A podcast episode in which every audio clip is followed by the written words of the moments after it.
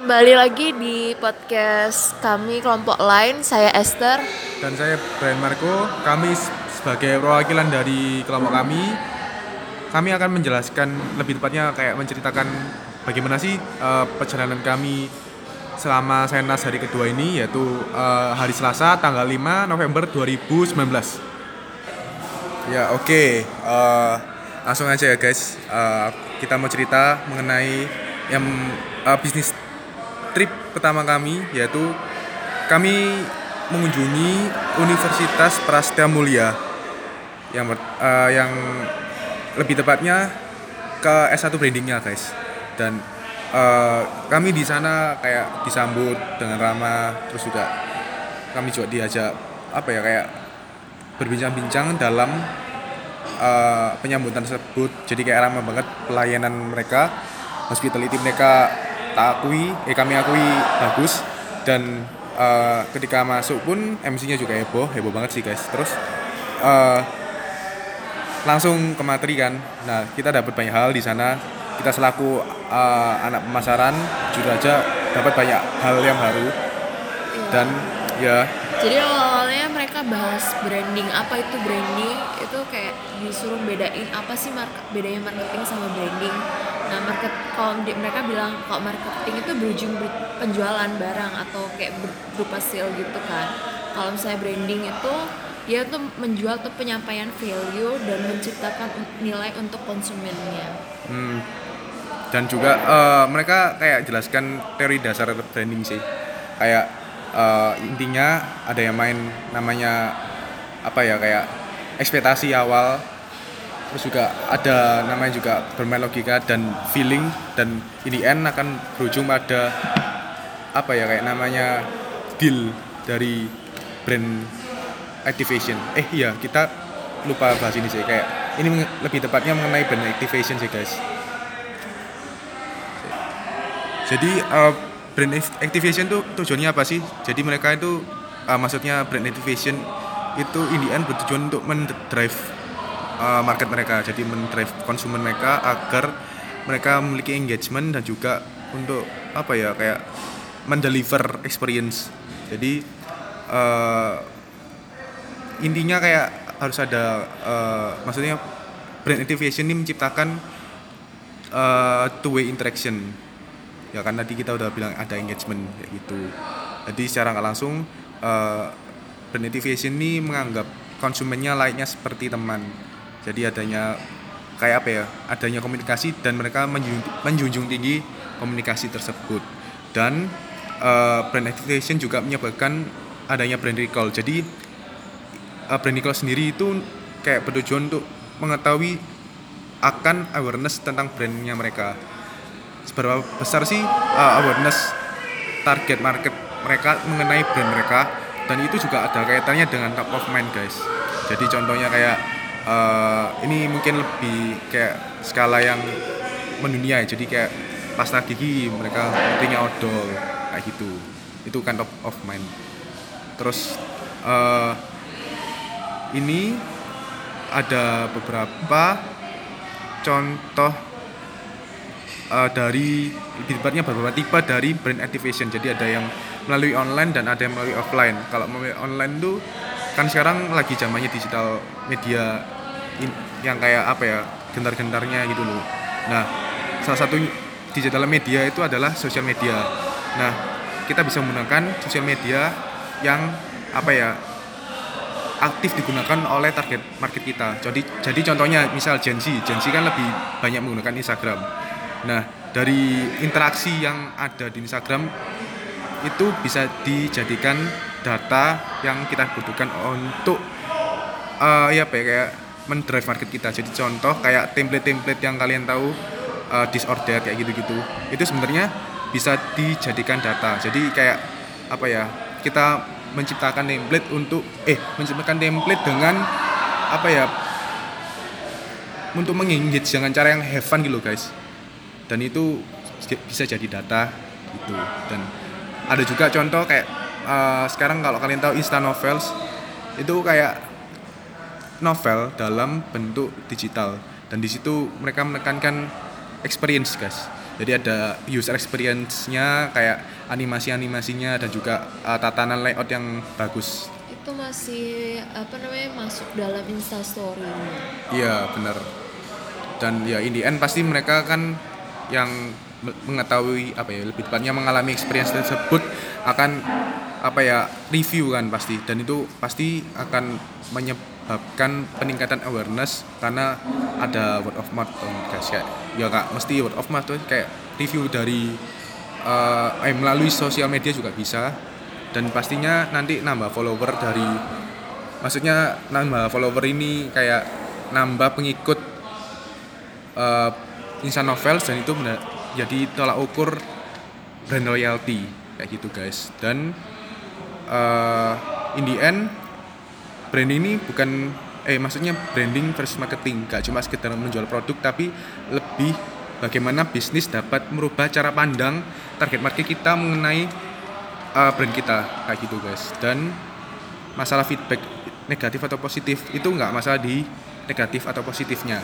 Tapi bagaimana lebih bagaimana activation tersebut bisa berdampak dalam peningkatan kesadaran brand nah contohnya guys eh, kalau kalian tahu ada iklan yang sangat menarik dan mereka ah, maksud saya iklan yang ini itu menggunakan teknologi augmented reality atau disingkat AR dan itu merupakan eh, ini sih kayak pihaknya Burger King.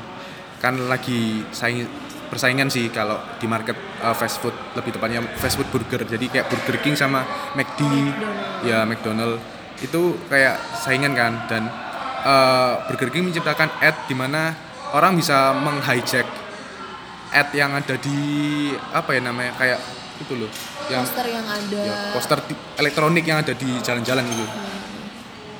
Ya billboard ya billboard. Terus mereka bisa kayak ya tadi hijack dan hijack itu kayak nanti mereka download aplikasi terus mereka dan mereka bisa membakar billboard tersebut. Dan ini end itu tujuannya untuk uh, bukan untuk sih sebagai brand campaign dari Burger King. Dan maksudnya mereka melakukan kayak gitu tuh untuk mengengage target market mereka. Walaupun dengan cara yang sedikit negatif ya tapi kayak ya in the end kayak maksudnya nge-state war dengan McD gitu sih guys. Dan ada juga uh, contoh lainnya seperti uh, perusahaan uh, perusahaan Volvo yang mereka mengeluarkan varian mobil terbaru SC40 dan mereka menggunakan WhatsApp dalam apa ya kayak membooking test drive. Kayak gitu guys. Karena we uh, uh, ini ceritanya mereka Volvo ini promosi dengan uh, target market mereka di Malaysia. Dan WhatsApp itu merupakan uh, sosmed yang kedua paling tertinggi ya terbesar paling digunakan oleh masyarakat Malaysia. Kayak gitu guys. Dan ada juga contoh lainnya yaitu uh, Gojek dengan hashtagnya uh, apa ya tadi? Anak bangsa ber, berkualitas apa? Aku lupa ya. Pokoknya hashtag anak bangsa apa gitu guys. Dan mereka anak bangsa. Iya, kita kita lupa ya. Ya ini. Kan pokoknya mereka menggunakan event jadi kayak viralitas gitu loh. Event Asian Games dan mereka berfokus pada nasion nasionalisme dan maksudnya gini guys. Jadi eh, mereka mentarget orang-orang yang eh, apa ya kayak jiwa nasionalisnya tinggi. Jadi kayak permainan games misal kalau tim Indonesia menang kan pasti kayak teriak-teriak hore-hore menang gitu. kayak jadi hype gitu loh padahal mereka yang teriak-teriak itu pun juga belum tentu paham cara main atau ngerti indikator gol atau cetak skor itu gimana gitu loh dan ini Indian juga mengapa ya kayak merecall merecall eh, tadi kan kayak apa namanya? Brand activation mengenai bagaimana uh, target market mereka ini merespon uh, advertising dari Gojek. Dan in the end kan mereka saingan maksud kami Gojek saingan dengan Grab. Nah Gojek ini pengen tahu sih seberapa besar target market mereka yang akhirnya membiak pada Gojek. Kayak gitu guys. Dan itu adalah apa yang kami dapat dari sesi apa ya namanya kayak lecturing ya mungkin bisa dikata dari uh, Universitas Prastamulia S1 Branding. Dan ya kami Indian mendapatkan apa ya kayak ilmu baru sih. Kan contohnya kayak kamu kan anak 2019 kan kan masih baru masuk. Ya Nah, kan kayak gak tahu apa-apa tuh kayak tentang Iya, iya, branding. iya. marketing aja belum tahu basic marketing apalagi branding. Gitu. kayak gitu. Dan aku sendiri eh, aku sudah semester 5 dan mungkin di semester 5 maksudnya di kelasku itu gak segitu teoritis ya. mungkin lebih ke penerapan teorinya beda lebih tepatnya mungkin ya. Jadi ini merupakan ilmu baru bagi kami dan bahkan mereka itu penyampaiannya uh, contoh-contoh di dunia nyata pun sangat jelas banget gitu ya setuju. Terus kayak penyelesaian studi-studi permasalahannya ya bener-bener diselesaikan dengan pengetahuan-pengetahuannya mereka gitu. Mm-mm. Dan aku mau ngasih kesimpulan sih, pokoknya in the end brand activation sesuai yang mereka jelaskan itu in the- apa ya kayak in the end maksudnya bertujuan untuk merubah perspektif target market. Dengan merubah point of view target market mereka melalui fenomena atau campaign yang mereka buat kayak gitu guys. Oke, itu adalah penjelasan kami mengenai eh, apa ya bisnis trip di Prastamulia. Dan yang kedua, kami mengunjungi PT Lingaja ya? Aja. Lingaja. Apa ya Lingaja kok baru gitu ya? Apa ya itu Lingaja? jadi link aja itu semacam kayak OVO dan GoPay itu untuk uh, alat untuk pembayaran gitu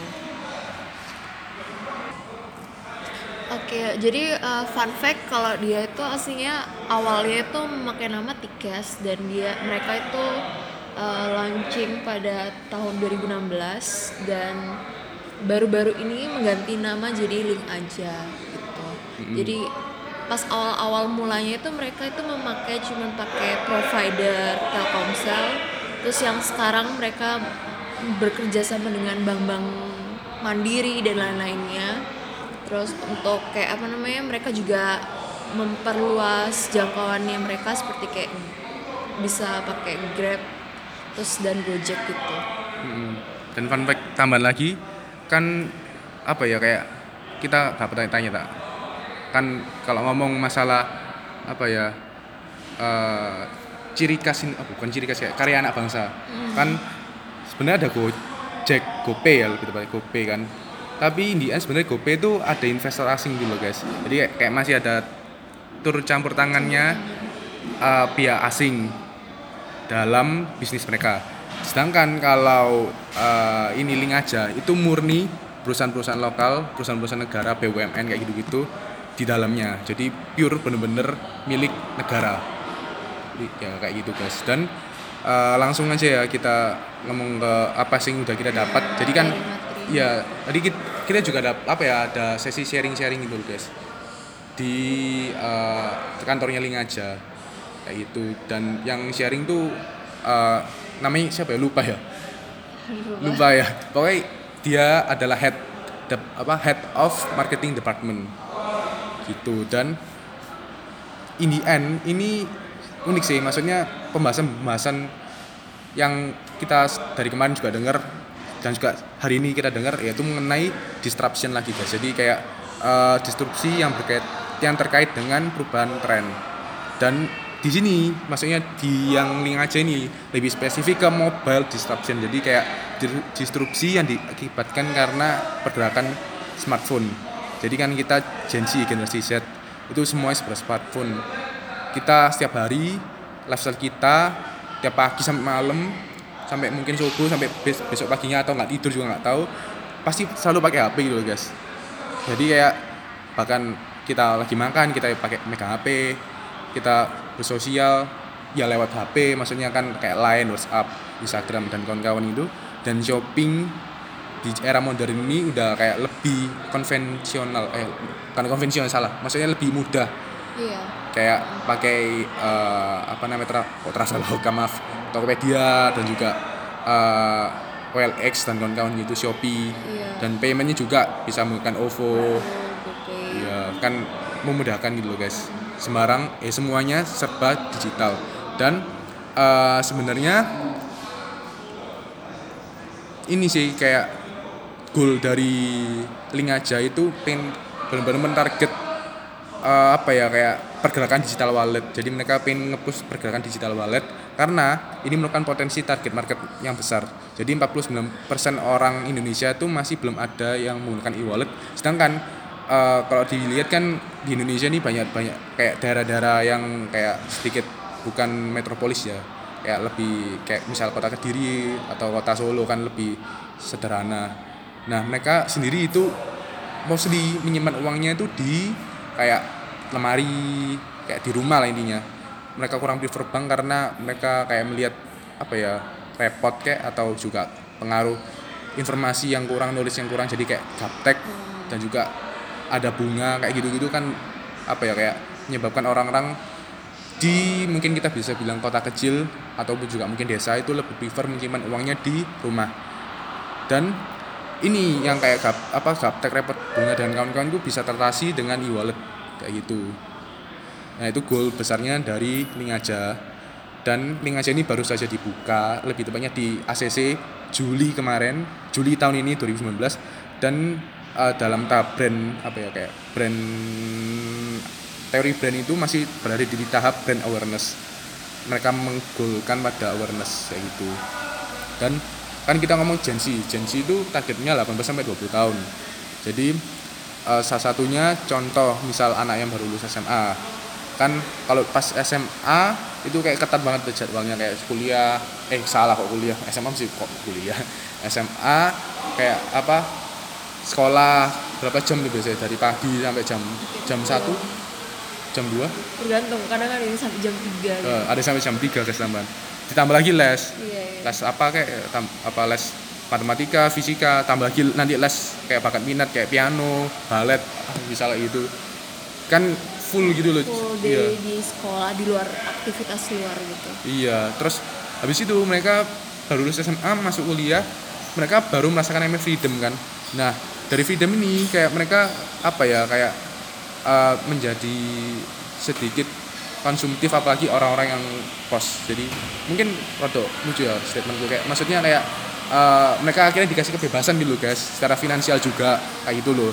Dan di sini maksudnya bisa menjadi target eh, pergerakan e-wallet. Kan juga kalau kita tahu masyarakat milenial lebih tepatnya Gen Z.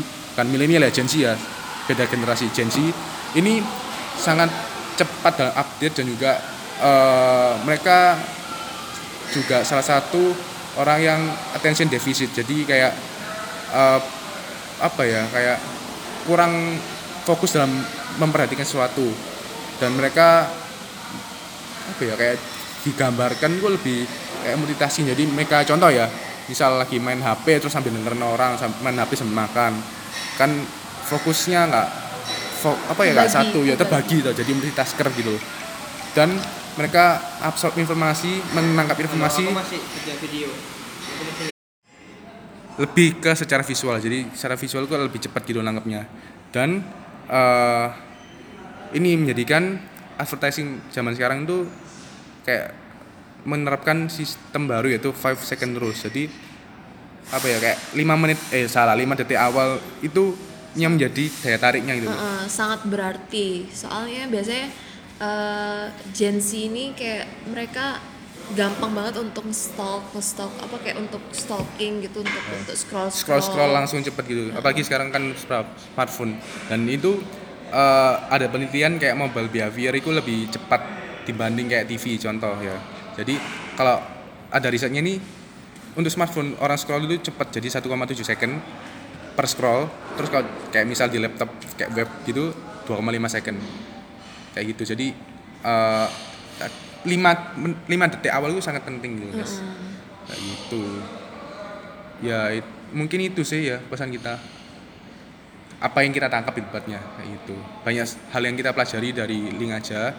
Ya salah satunya kayak kita lebih menyadari kalau kita Z ya unik juga. Ya. maksudnya kayak apa apa kudu cepat kudu Nggak praktis. sabaran, ya kasabaran sabaran. juga kayak gitu ya.